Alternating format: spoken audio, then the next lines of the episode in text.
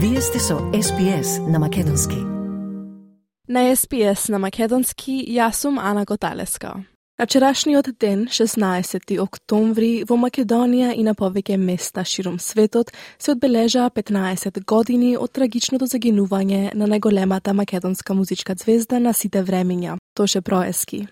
По тој повод ви го пренесуваме наредниот прилог за животот и делата на овој великан на македонската и балканската музичка сцена.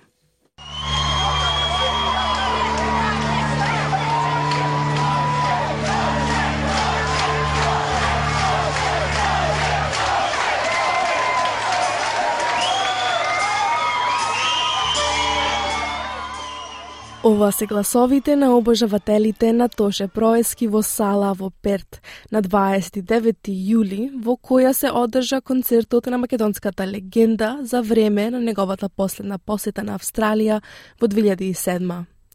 На вчерашниот ден, 16 октомври, пред 15 години, најголемата македонска поп звезда трагично го загуби животот во сообраќајна несреќа кај Нова Градичка во Хрватска. За неговата смрт известија сите медиуми во тогашна Југославија, но и голем број ширум светот. Рано изутрината во сообраќај на несреќа на автопатот Загреб Ликовац кај Нова Градишка во Хрватска загина познатиот македонски пејач Тоше Проески. Уништениот джип на Тоше Проески сведочи за тешката сообраќајна несреќа во која загина. Јутрос око 6 сати и 30 минута на автоцести Загреб Липовац погинуе Тоше Проески.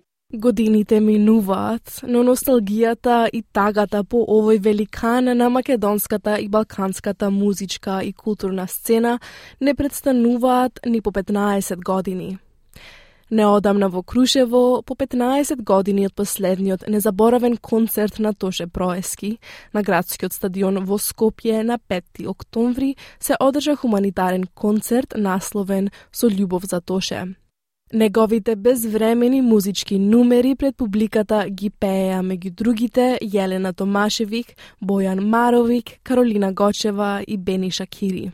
А за прв пат по околу 10 години повторно се собра заедно и бендот на Тоше. Два дена подоцна во Струга се одржа ракометен турнир на ветерани и ветеранки во негова чест, на кој учествуваа екипи од Македонија, Србија, Хрватска, Словенија и Босна и Херцеговина. И минатиот викенд се одржа годишниот ултрамаратон во кој 13 учесници трчаа од Нова Градишка во Хрватска до неговото родно Крушево.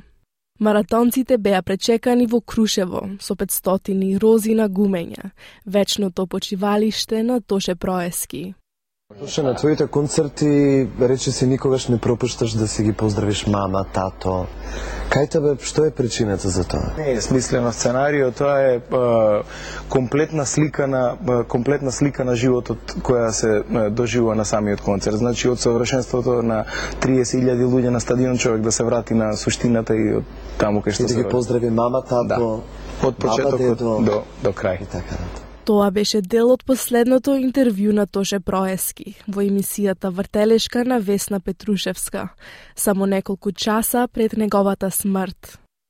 Љубовта кон музиката го определи неговиот животен пат уште во раните детски години, на првиот настап пред публика на 11 годишна возраст на детскиот фестивал Златно Славејче. На фестивалот во 1992 Тоше Проески настапи со песната Јас и мојот дедо, испеана на влашки јазик. Маја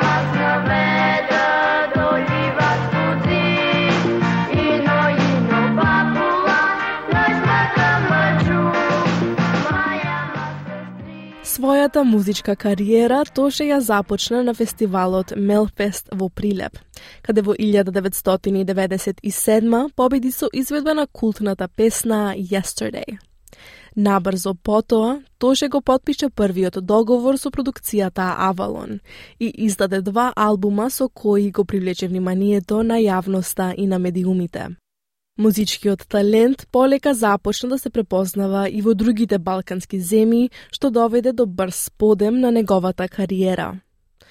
По два албума издадени во Србија и Хрватска, Тоше ја представи Македонија на Евровизија во Истанбул, Турција во 2004 со песната Ангел си ти, со која се пласира на 14-тото место.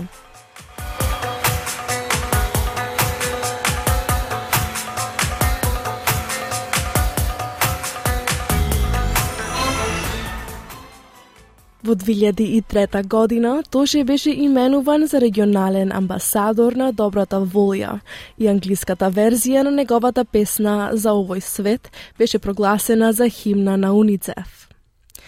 Истата година, неговиот петти албум По тебе беше издаден низ територијата на поранешна Југославија и стана еден од најуспешните албуми издадени во регионот. Тој го издаде албумот Божилак во 2006 компилација од 14 македонски народни песни со нови аранжмани и во придружба на симфониски оркестар. На неговиот последен концерт во Македонија, Тоше по трет пат го исполни градскиот стадион во Скопје на 9 јуни 2007 со хуманитарен концерт посветен на ревитализација на македонското образование. Во 2007 година Тоше го издаде и албумот Игри без граници, последен албум пред неговата смрт на 16 октомври 2007, кога загина во трагична собраќајна несреќа на возраст од 26 години. Постхумно Тоше Проески беше прогласен за почесен граѓанин на Македонија и одликуван од тогашниот председател Ѓорѓе Иванов со орден за заслуги за земјата. Освен неговата музика, неговите обожаватели и колеги го паметат и по неговата хуманост. Неговите дела ќе продолжат да живеат во сеќавањето на сите поклоници на непрежалениот пеач со вонсериски талент. Велат дека луѓето живеат онолку долго колку што ги споменуваме, а тебе вечно ќе те споменуваме. Ти почина без да умреш. А ние, откако ја слушнавме страшната вест, умревме без да починеме.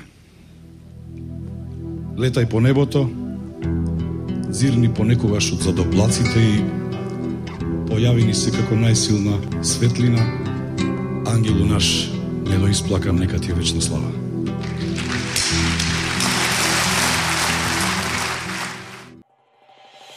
Сакате ли да чуете повеќе прилози како овој? Слушате подкаст преку Apple Podcasts, Google Podcasts, Spotify или од каде и да ги добивате вашите подкасти.